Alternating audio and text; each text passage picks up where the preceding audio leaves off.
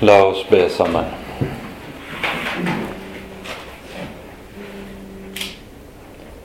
Kjære gode Herre og Hellige Far. Til deg kommer vi, og vi takker og lover deg, gode Herre, at vi skal få regne med at det er du selv som kaller oss sammen om ditt ord. Det er du selv som vil ha oss i tale. Nå ber vi deg, gode Herre, at du vil være til stede med din Hellige Ånd. Og la oss få ha lys i ordet ditt, og at du med lyset fra ordet også kaster lyset innover våre liv, sånn som vi trenger det. Herre, forbarm deg over oss. Amen.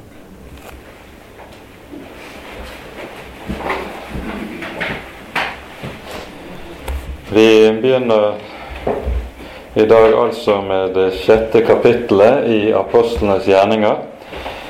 Og eh, med det så har vi et relativt kort kapittel, men samtidig et kapittel som er delt i to tydelige halvdeler. Der den første halvdelen dreier seg om hvorledes der utpekes syv eh, personer som senere får tittelen 'diakoner'. Eh, den tittelen anvendes ikke her i teksten. Og deretter begynner historien om Stefanus, som munner ut i det syvende kapittel med hans martyrium. Så vi tar oss tid nå innledningsvis og leser hele kapittelet i sammenheng.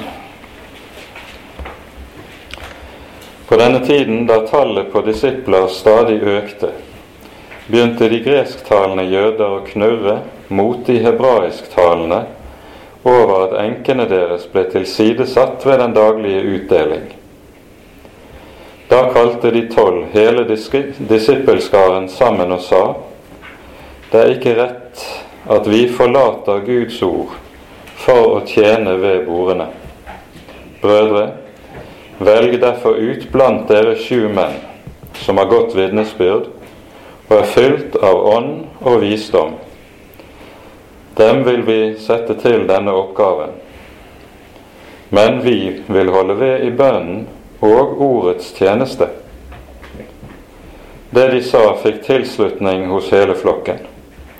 Og de valgte ut Stefanus, en mann full av tro og Den hellige ånd, og Philip og Prokorus og Nikanor og Timon og Parmenas og Nikolaus, en mann fra Antiokia som var gått over til jødenes tro. Disse menn stilte de frem for apostlene, som ba og la hendene på dem.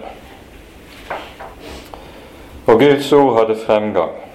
Tallet på disipler i Jerusalem økte sterkt, og en stor flokk av prestene ble lydige mot troen. Stefanus var full av nåde og kraft, og han gjorde under og store tegn blant folket.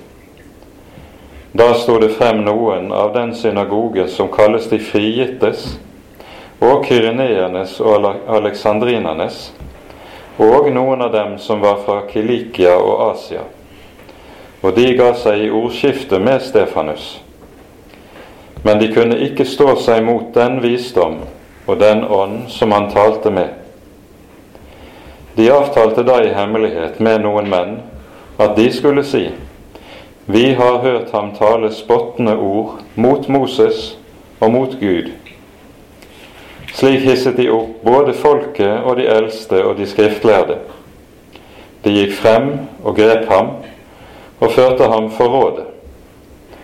Der stilte de falske vitner frem som sa:" Denne mannen holder ikke opp med å tale spottende ord mot dette hellige sted og mot loven. Vi har hørt ham si at denne Jesus fra Nasaret skal bryte ned dette stedet og forandre de skikker som Moses ga oss. Alle som satt i rådet, stirret på ham, og de så at hans ansikt var som en engels ansikt. Amen. Vi har tidligere i apostelgjerningene hørt i disse såkalte summariene, der vi får en kort sammenfatning av livet i menigheten, at det tales meget sterke ord om enheten i denne første kristne menighet. I kapittel 4 hører vi f.eks. i vers 32 Hele flokken av dem som var kommet til troen, hadde ett hjerte og én sjel. Og ikke en eneste sa at noe av det han eide, var hans eget, men de hadde alt felles. Det vi nå møter i kapittel 6, er at det likevel ser ut til å være tendenser til splid og til kiv i eh, denne menigheten. Foranledningen til dette er at det tydeligvis i menigheten i Jerusalem har foregått et relativt utstrakt sosialt arbeid. Det handler om matutdeling. Eh, nå er man ikke sikker på, fordi grunntekstens uttrykk kan eh, bety litt forskjellige ting, om det var tale om konkret matutdeling, eller om det var tale om utdeling av penger til trengende, slik at de kunne selv gå og kjøpe det de behøvde av mat. Det er for så vidt underordnet i denne sammenheng. Men vi har jo tidligere hørt i forbindelse med kapittel 5 om hvorledes folk eh, Det var flere i menigheten som solgte eh, det de eide, og la pengene for apostlenes føtter, som det står. Og eh, Det er et uttrykk som jo da betyr at ble overlatt til apostlene å disponere midlene slik som de fant det best for menigheten. Og Dette er altså bakteppet for eh, det vi nå hører. Og så hører vi en begynnelsen på en konflikt mellom to grupper i menigheten. Det er oversatt i våre bibler tror jeg de fleste norske bibeloversettelsene så står det gresktalende og hebraisktalende. I grunnteksten står det bare eh, de greske og de hebraiske. Så det kan sikte ikke bare til rent språklige forhold, men eh, kanskje også til eh, mer eh, etnisk og kulturelle Eh, ting som kommer inn i bildet. Det som i alle fall er åpenbart i dette, er at menigheten i Jerusalem har hatt et ikke ubetydelig innslag av gresktalende eh, eller mennesker med gresk bakgrunn som lemmer i menigheten.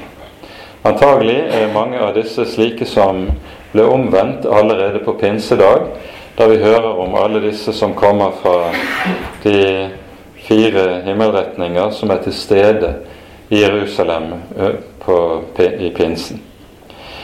Det er da ikke snakk om hedninger, men det er snakk om jøder som er født i diasporaen, som altså ikke er vokst opp i Israel, og som derfor ikke har hebraisk som sitt morsmål. De snakker gresk. Og har dermed også antagelig en god posisjon av eh, den gresk-romerske kulturen eh, som eh, sitt, sin bakgrunn som de er vokst opp i, trass i at de selv altså er jøder. Og Dermed så står man overfor noe som er en klassisk konflikt. Eh, de gresktalende har helt sikkert hatt store vansker med å forstå hebraisken. Og eh, når du har språkproblemer, så vil du veldig fort også få, kunne få eh, misforståelser som kan vokse seg store, selv om det bare handler om bagateller. Desto mer så der det også er ulike kulturer som ligger bak.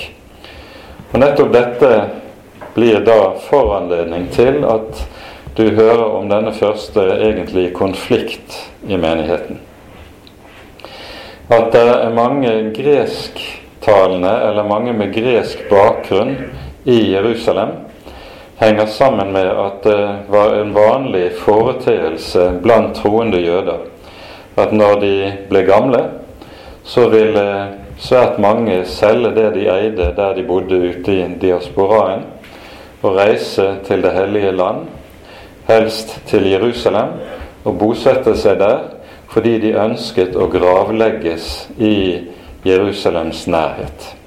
Det er jo den dag i dag slik at kirkegården på Oljeberget er det stedet der eh, som vil være en troende jødes så å si høyeste ønske å kunne bli begravet. Og Dette henger jo sammen med forventningen om at når Messias kommer, så skal han sette sine føtter på Oljeberget. Dette finner vi både i Det nye testamentet, men det er også en viktig del av jødisk Messias-forventning. Så har det da vært slik som det ikke sjelden er, at eh, det er ektemennene som dør først, og så sitter der igjen enker. Eh, det er blitt tydeligvis et større antall enker som etter hvert også er blitt fattige. De økonomiske ressurser de har hatt å tære på, er tørket inn. Og så er de blitt avhengige av menighetens hjelp. Og så det, foregår det utdeling til disse fattige i menigheten. Og så er det altså noen som føler seg forfordelt. Det er apostlene som har hatt hovedansvaret for denne fordelingen av de økonomiske midlene. Det betyr ikke at er de som nødvendigvis har stått for den helt konkrete utdelingen, men det er de som i hvert fall har sittet med ansvaret. Og de tar, når dette dukker opp som et problem, så tar de umiddelbart tak i saken. Ehm, de kaller sammen, står det, hele disippelskaren. Ehm, det står bokstavelig hele mengden av disipler.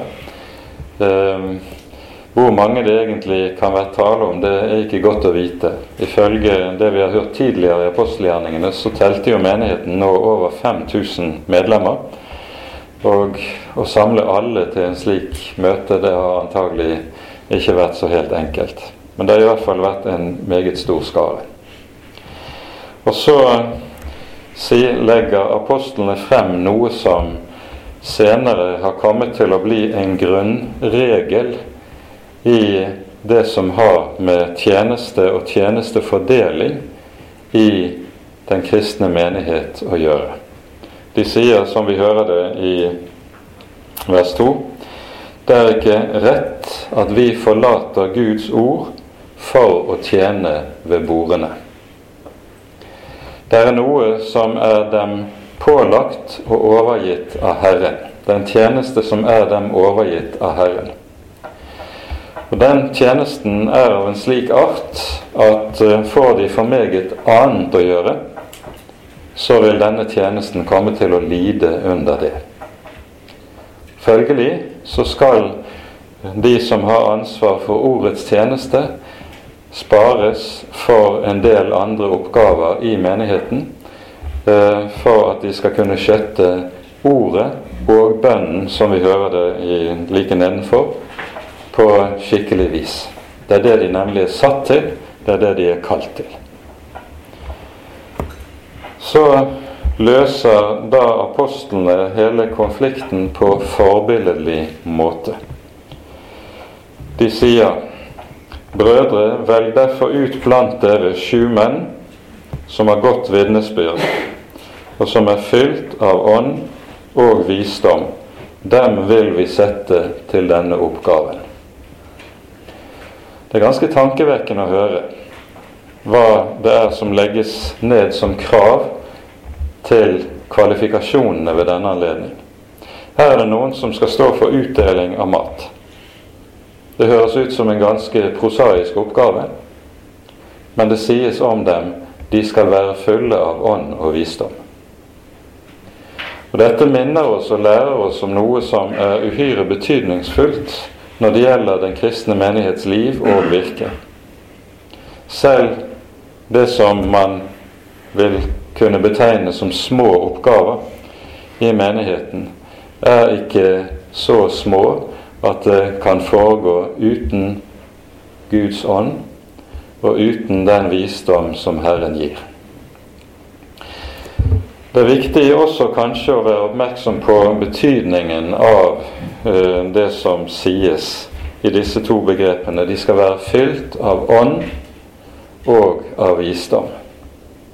Når det taler om at de er fylt av Den hellige ånd, så er det tale om uh, ikke slik som man ofte kan høre det i våre dager, at det taler om en slags opplevelse av indre åndelig kraft som er nærværende i ens e-, eget indre.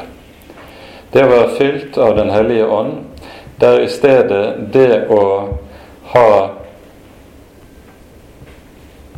dyp innsikt i Herrens ord og i evangeliet. For den som ikke har innsikt i evangeliet, har heller ikke stort av Den hellige ånd. De to ting henger på det aller nærmeste sammen. Og Vi ser i en rekke sammenhenger i Det nye testamentet at begrepet Ånden og begrepet evangeliet brukes på en sånn måte at de kan byttes ut eh, imellom hverandre uten at det hele mister sin sammenheng, sin meningssammenheng. Aller tydeligst er dette i, eh, i 2. Eh, Korinterbrevs 3. kapittel, der Paulus med setningen i vers 6 Bokstaven slår i hjel, mens ånden gjør levende. Eh, innleder et avsnitt der han taler om hvorledes loven og evangeliet har ulik virkning. Bokstaven det er betegnelsen for Guds hellige lov. Ånden er betegnelsen for evangeliet. Bokstav, loven slår i hjel, evangeliet gjør levende. Og slik møter vi denne måten å tale på i Det nye testamentet, og det er viktig å være oppmerksom på det. For Det er veldig mye tale i våre dager om Den hellige ånd som er av en slik art at det ikke er noe evangelium til stede i den talen i det hele tatt. Og da er det ikke Den hellige ånd det taler om, da er det tale om en annen ånd. Det får være som en parentes i denne sammenheng, men det er viktig å være oppmerksom på. Når det sies at de også skal være fulle av visdom, så siktes det med det til den åndelige modenhet som eh, ikke besiddes av nyomvendte mennesker, men som betinger en eh, vekst i nåde og kjennskap til Herren.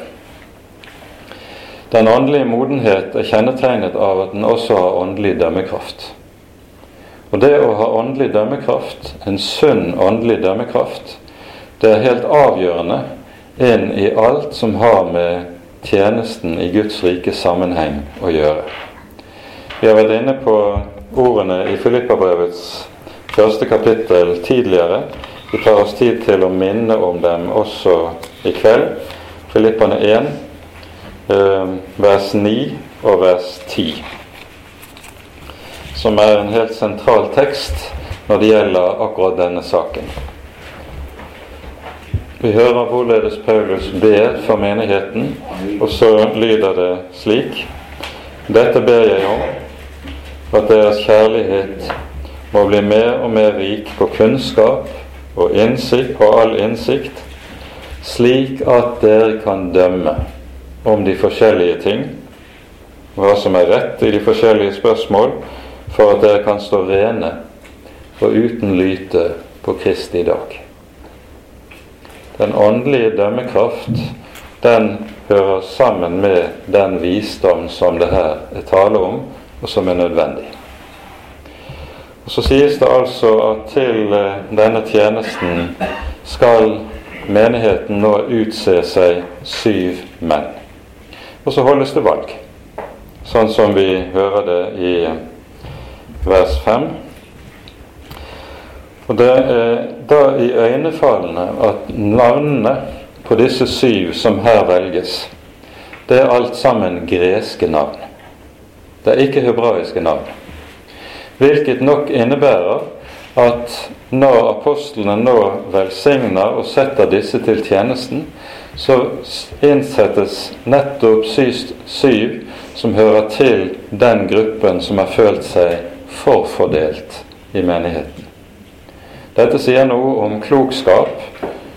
Det sier veldig mye om fellesskap i menigheten, og det, den vekt det ble lagt på å bevare enheten, og ikke la dette bli foranledning til ytterligere splittelse og kløft mellom de to gruppene i menigheten.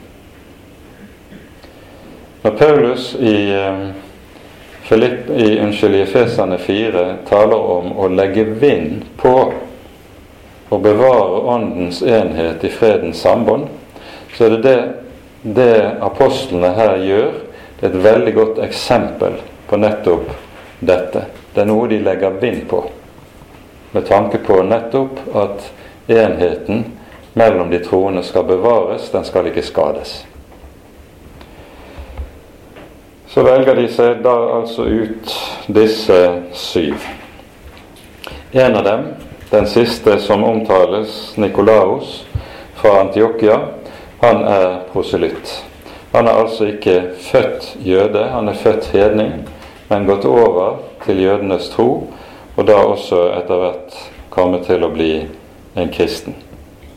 De øvrige er jøder, men altså med gresk bakgrunn. Hvorledes det er med de fem siste vi hører om i denne gruppen på syv, det vet vi ikke. Vi hører aldri mer om dem i Det nye testamentet eller ellers i Kirkens historie. Men de to første de hører vi om videre i apostlenes gjerninger. Stefanus blir jo den første som vi hører om i fortsettelsen, som også blir Kirkens første martyr.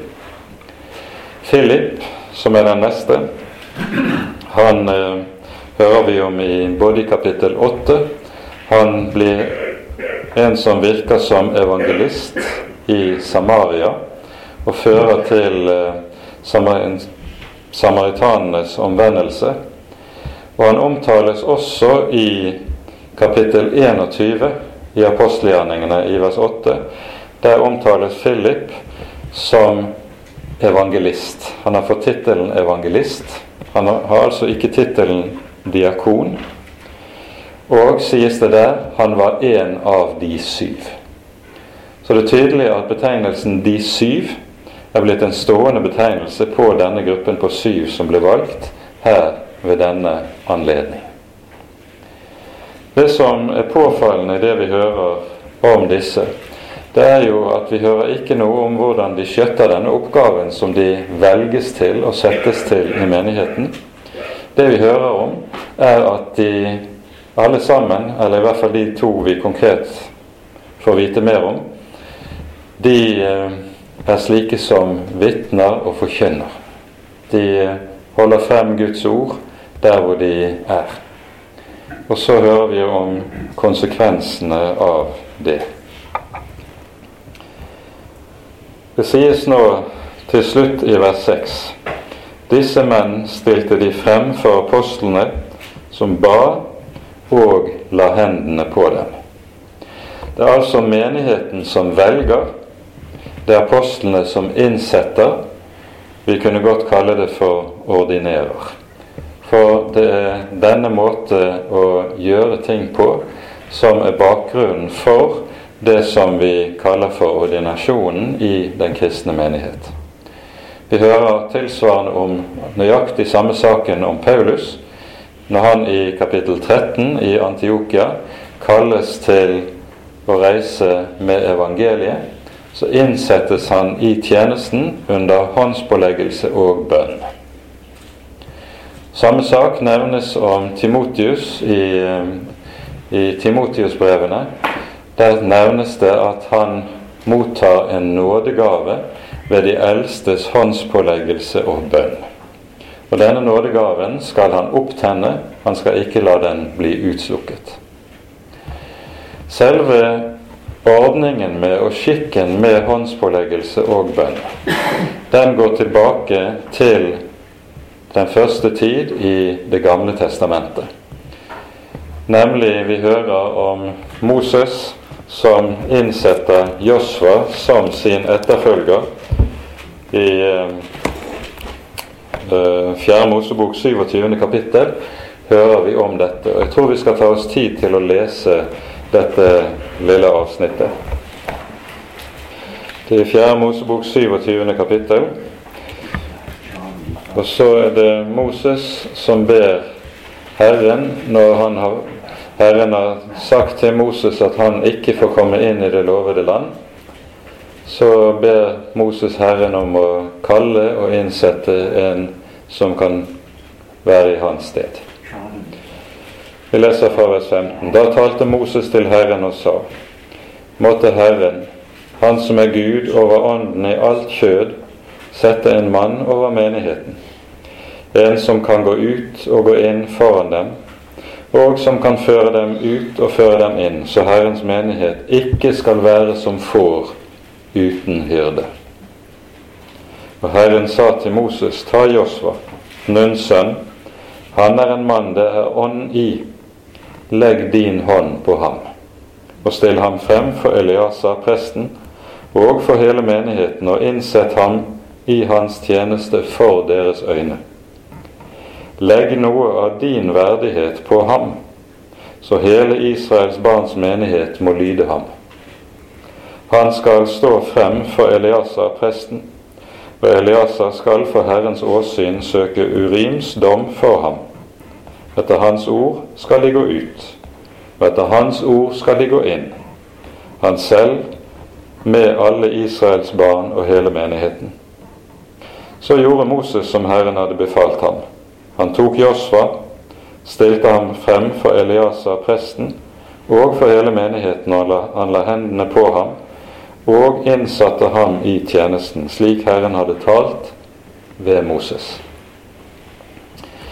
Når det her sies at Moses skal legge noe av sin verdighet på Josva, så siktes det til dette det er kanskje en uheldig oversettelse at ordet er oversatt med verdighet. Det taler om en myndighet og en autoritet som gis av Herren, og som hører sammen med den tjenesten og er nødvendig med tanke på den tjenesten som han innsettes i.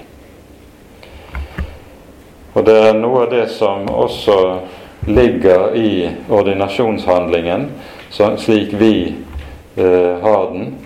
Det er tale om å bli overgitt en myndighet som eh, der den det gjelder, lever rett med Herren, også er gitt fra Herren og skal fornyes ved Herren.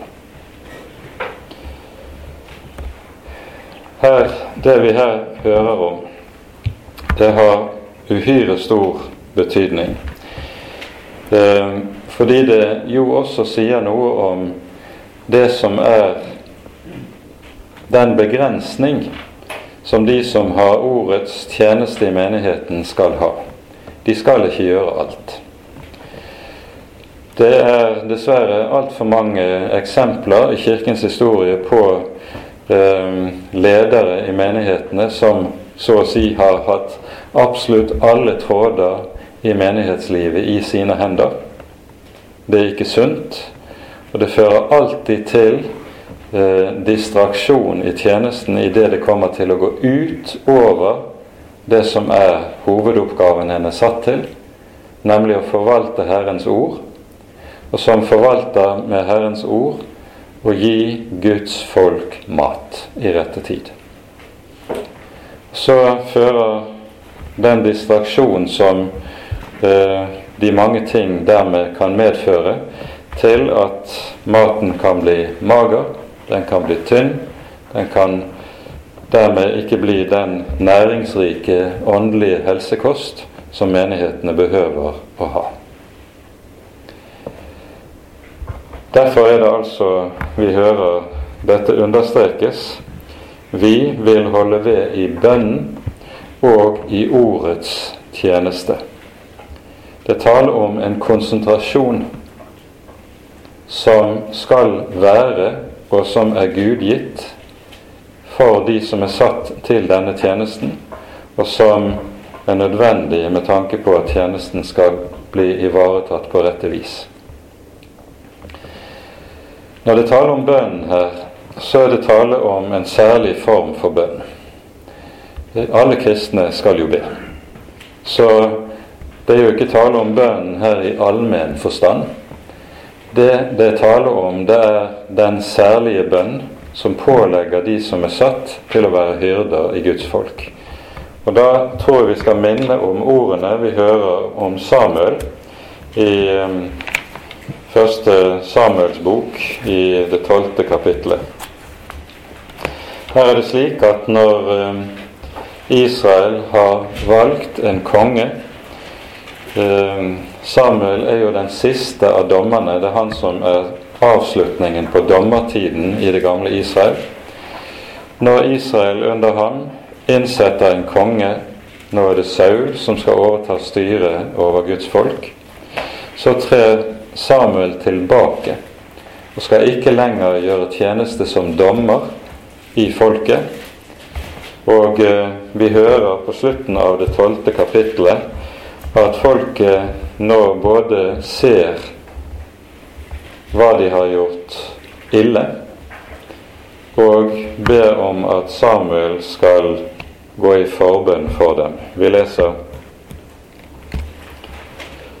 fra vers 20. Da sa Samuel til folket Folket har innrømmet i det som er, går foran. De har syndet, og de frykter for Guds dom. Og så svarer Samuel, frykt ikke. Dere har gjort alt dette onde men forlat nå bare ikke Herren, tjen Herren av hele deres hjerte. Vend dere ikke bort, slik at dere følger de tomme avguder, som ikke kan hjelpe eller frelse fordi de bare er, sitt, er tomhet. For sitt store navns skyld vil Herren ikke forlate sitt folk, siden Herren har funnet for godt å gjøre dere til sitt folk. Men jeg, det være langt fra meg å synde mot Herren ved å holde opp med å be for dere. Jeg vil lære dere den gode og rette vei.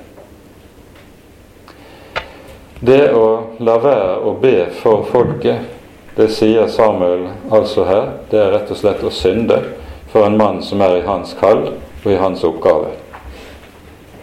Og dette gjelder da også de som er satt til å ha hyrdetjeneste i Herrens menighet.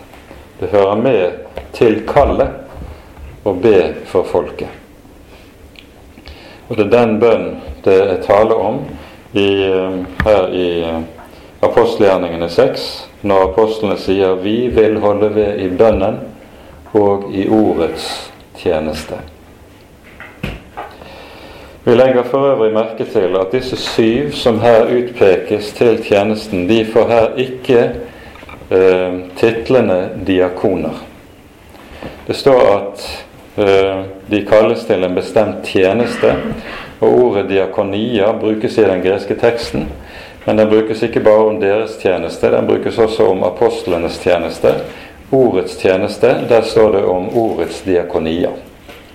Så ordet diakonia det er et allment ord som betegner tjenesten innad i den kristne menighet, enten hvilken som helst tjeneste det nå enn er tale om. Det får også være nevnt. Før vi går videre, skal vi også gjøre oppmerksom på en siste sak.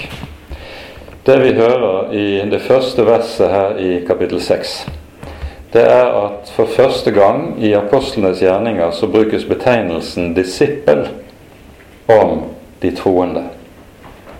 I evangeliene hører vi dette ordet anvendes hovedsakelig om de tolv. Av og til også om den større flokken som følger Jesus, men hovedsakelig om de tolv. Her anvendes ordet om alle de troende som hører til menigheten. Og Det som er viktig å være oppmerksom på når det gjelder ordet disippel, det er at ordet har grunnbetydningen som eh, kommer tydeligst til uttrykk på nynorsk hos oss, det er læresvein. Det er en som går i lære. Og ordningen i det gamle Israel var jo slik at eh, alle rabbinerne de hadde sin gruppe av disipler. Og Poenget med å være disippel hos en rabbiner var at disippelen skulle tilegne seg så mye kunnskap at han til slutt kunne stå på egne ben. Han, han var utlært og selv kunne bli rabbiner uavhengig av sin mester. I Det nye testamentet brukes begrepet disippel på en ganske annen måte. Her er de troende alle som en disipler hos Herren, og de er aldri slike som blir utlært. Vi er alle sammen slike som hele vårt liv er hjelpeløst avhengig av å gå i lære hos Han som er vår Herre og vår Mester. Vi er hjelpeløst avhengige av å sitte ved Hans føtter så lenge vi lever. Vi blir aldri utlærte. Vi blir aldri slike som i den forstand skal kunne stå på egne ben. Tvert om, disippelskapet i Det nye testamentet betegner en avhengighet av Jesus som aldri opphører. Og det er ganske avgjørende å vite og være oppmerksom på akkurat den saken. Derfor er det å være disippel i Det nye testamentet noe ganske annet enn å være disippel i den rabbinske eh, forstand som vi ellers hører om i jødedommen. Men ordet er det samme, meningsinnholdet er vidt forskjellig. Med det nevnt så går vi over til det neste avsnittet i, her i kapittel 6, der vi hører om Stefanus. Guds ord hadde fremgang. Tallet på disipler i Jerusalem økte sterkt, og en stor flokk av prestene ble lydige mot troen. Det står som et eh, mellomspill før vi hører om Stefanus. Eh, de prestene som her tar ved troen, det er altså en annen kategori av prester i Jerusalem enn det som hørte til det øvre presteskapet. Ordningen når det gjaldt prestene i prestetjenesten i Jerusalem, var jo slik at eh, du hadde øverstepresten som den som var den ubestridte leder for presteskapet. Så var presteskapet inndelt i 24 skift som gjorde tjeneste i tempelet. De gjorde tjeneste hver av dem to uker i løpet av året. Og eh, pluss på de store høytidene. Og Det betyr totalt at eh, den vanlige, eller mene prest, for å bruke et slikt uttrykk, Eh, ikke gjorde tjeneste mer enn én måned av året i sin helhet i tempelet. For øvrig bodde presteskapet omkring i landet, mange av de i såkalte prestebyer, og svært mange av dette lavere presteskap, de var meget fattige. Så det er skilles mellom det lavere og det øvre presteskap. Det var nemlig slik at lederne for hvert av de 24 skift som gjorde tjeneste. De kaltes med betegnelse som i våre bibler oversettes med overprestene, og som altså ikke må forveksles med ypperstepresten. Men disse overprestene de hørte også med til det du kunne kalle for adelen i datidens Israel og lederne innenfor det saduseiske partiet. Antagelig er det ingen av disse som her kommer til tro det er disse som sitter i Det høye råd og nå kommer til å dømme og fordømme Stefanus. Men det store antall prester det taler om, har altså sannsynligvis hørt til det lavere presteskapet. Nok om det. Vi går videre. Stefanus var full av nåde og kraft. Han gjorde under og store tegn blant folket og så står det frem noen av den synagogen som kalles de frigittes, kyreneernes og alexandrinernes, og noen av dem som var fra Kilikia og Asia. Og de ga seg i ordskifte med Stefanus. Vi forstår det dermed har vært på det vis at de tegn som skjer ved Stefanus, antagelig er det tale om helbredelse fra sykdom, det har gitt foranledning til forkynnelse av evangeliet om Jesus for Stefanus sitt vedkommende. Og så er det noen som begynner å protestere. Og de som protesterer, de hører også med til de gresktalende. Det er viktig å være klar over. De to synagoger som nevnes her, for det første de frigittes, og for det andre og så aleksandrinernes og kyrenernes, det er områder i Nord-Afrika. Det er altså etablert så å si etniske nasjonale synagoger i Jerusalem, der de hører sammen. Og sånn er det den dag i dag i Israel. Innvandrede jøder fra Ungarn har sin egen ungarske synagoge. Fra Bulgaria har sin bulgarske synagoge osv. Så, videre.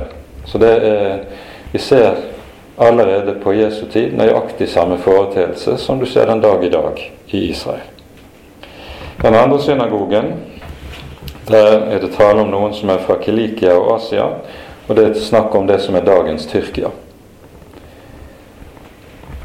Så her er det gresktalende jøder som protesterer overfor den gresktalende Stefanus. Og protesten skal vi legge nøye merke til. Det sies først de kunne ikke stå seg mot den visdom og den ånd han talte med. Og så møter vi dermed antagelig en meget menneskelig reaksjon.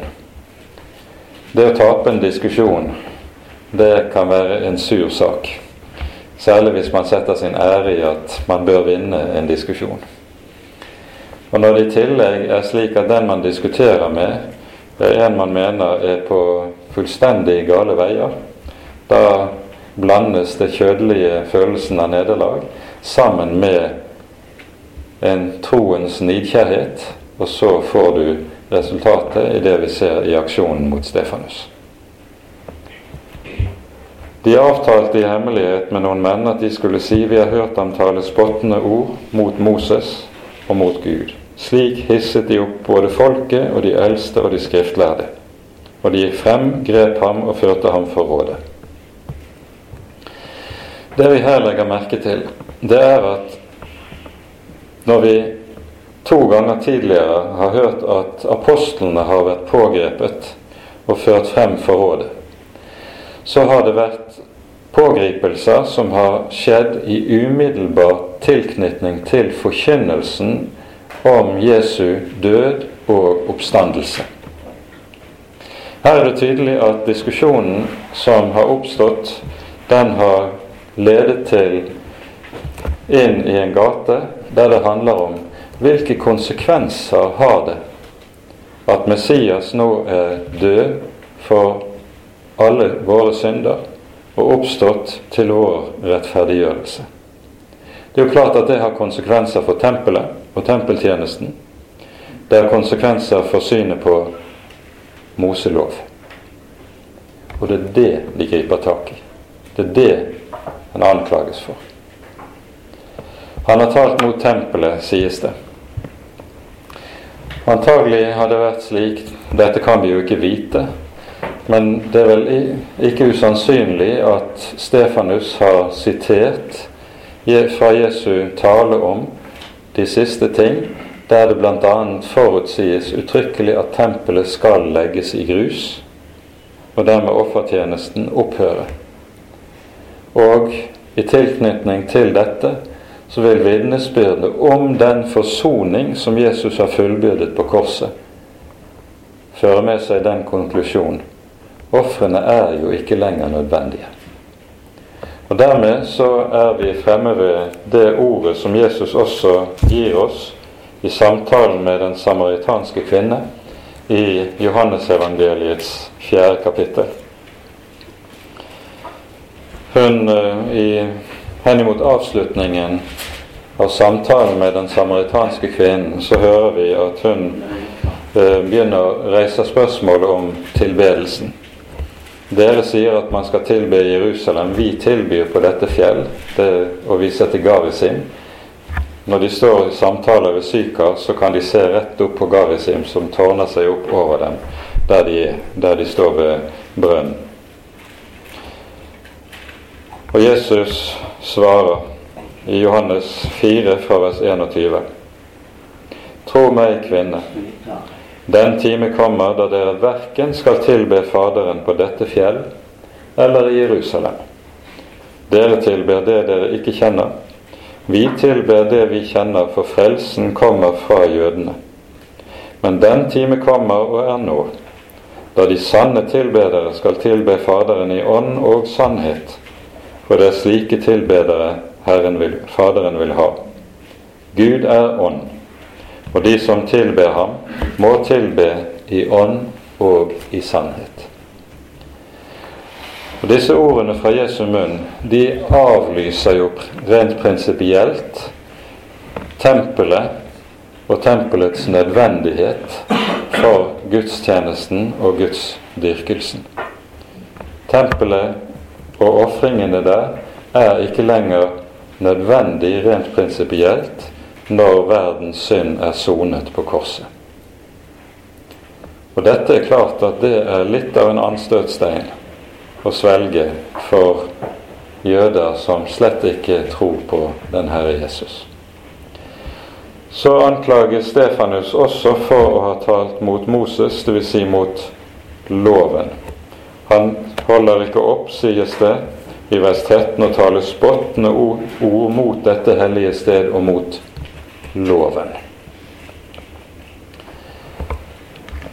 Og når det taler om at han altså har spottet loven, så skjønner vi meget vel at det her er tale om falske anklager. Men det som nok har kommet frem i samtalen og diskusjonen, er jo det grunnleggende at et menneske ikke frelses ved lovgjerninger, men ved tro på Kristus Jesus. Lovgjerningene er ikke det som fører et menneske til frelse og liv i Gud. Og det er på ny et veldig anstøt for den fariseiske ånd og for den eh, lovtro jødedom som Stefanus her har gitt seg inn i diskusjon med.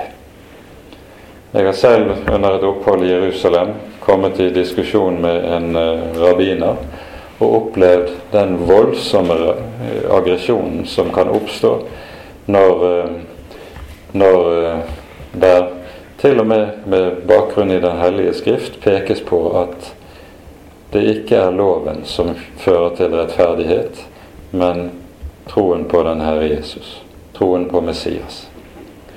Det er, det er en aggresjon som en kan undre seg over, men den er meget heftig. Det er dette Stefanus eh, opplever, og for han får det de dypeste konsekvenser. Nå er det sånn innenfor jødedommen at allerede på Jesu tid så fantes det rabbiner, rabbinere som hadde den lære at når Messias kom, så ville han forandre ulike sider ved loven. Når vi hører anklagerne sier at Jesus fra Nasaret skal bryte ned dette stedet og forandre de skikker Moses ga oss, så refererer dette til noe vi også hører i evangeliene. Vi har pekt på tidligere hvordan det innenfor jødedommen er tale om to slags lov som Moses mottar på Sinai. Den skriftlige lov og den muntlige lov. Og Vi ser i evangeliene hvorledes Jesus godtar den skriftlige lov, den som er gitt oss i Den hellige skrift, i Bibelen, men ikke godtar den muntlige lov som autoritativ. Og antagelig er det sånn at Stefanus har fulgt Jesu lære også på dette området de skikker som Moses har lært. Det refererer antagelig til den muntlige lov. Når rabbinere lærte at når Messias kom, så skulle han endre på loven, så henger det sammen med flere ting.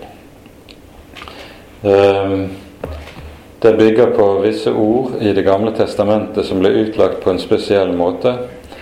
Ehm, blant annet i Første Mosebok 49, der det taler om han som fredsfyrsten, Shilo. Når han kommer, så skal han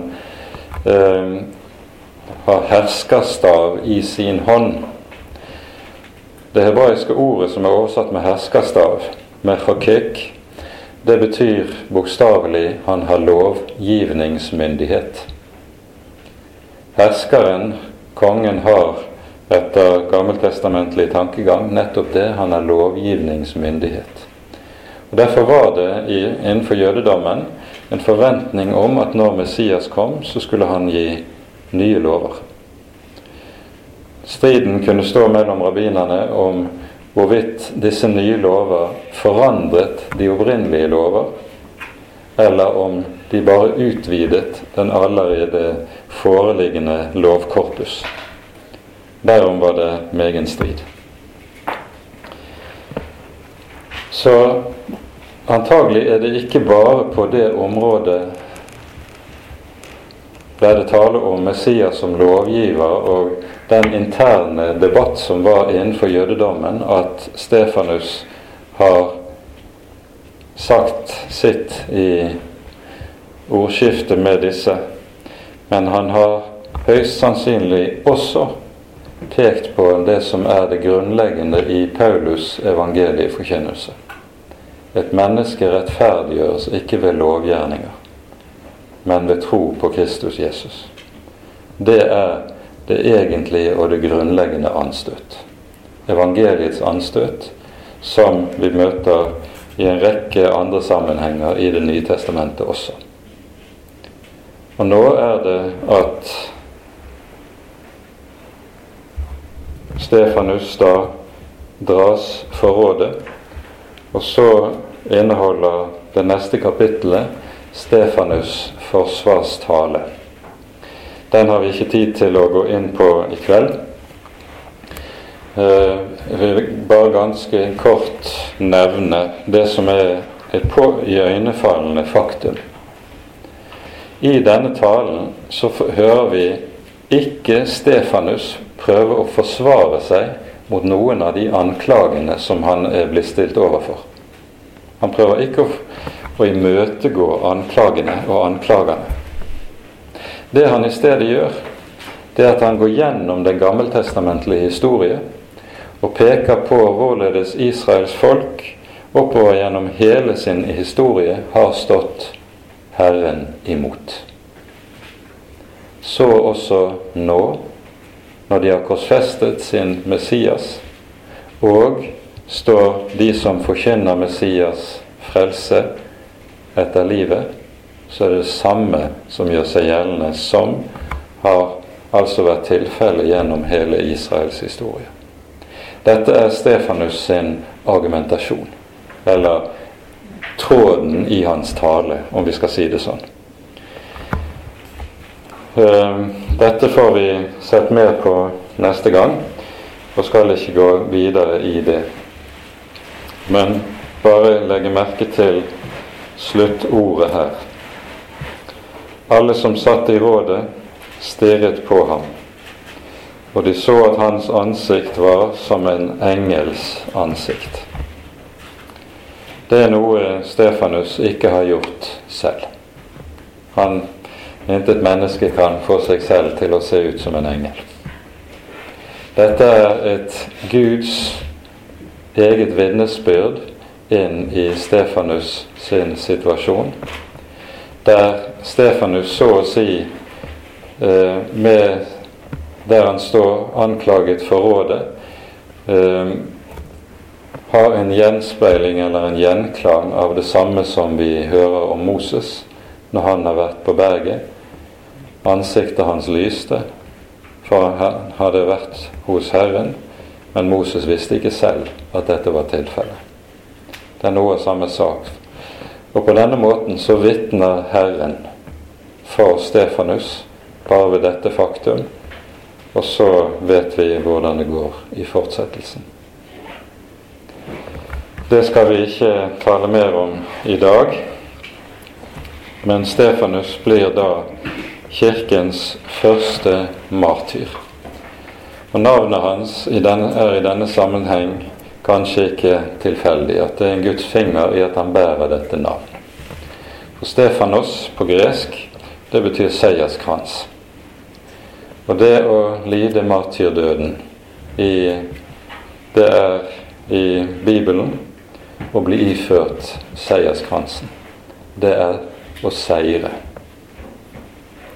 Og slik er det at Bibelen tenker og bedømmer helt annerledes om slike ting enn det vi gjør ut ifra våre målestokker og våre tanker. Med det setter vi punktum for kveldens gjennomgang. Ære være Faderen og Sønnen og Den hellige ånd, som bare er og være skal, en sann Gud, høylovet i evighet. Amen.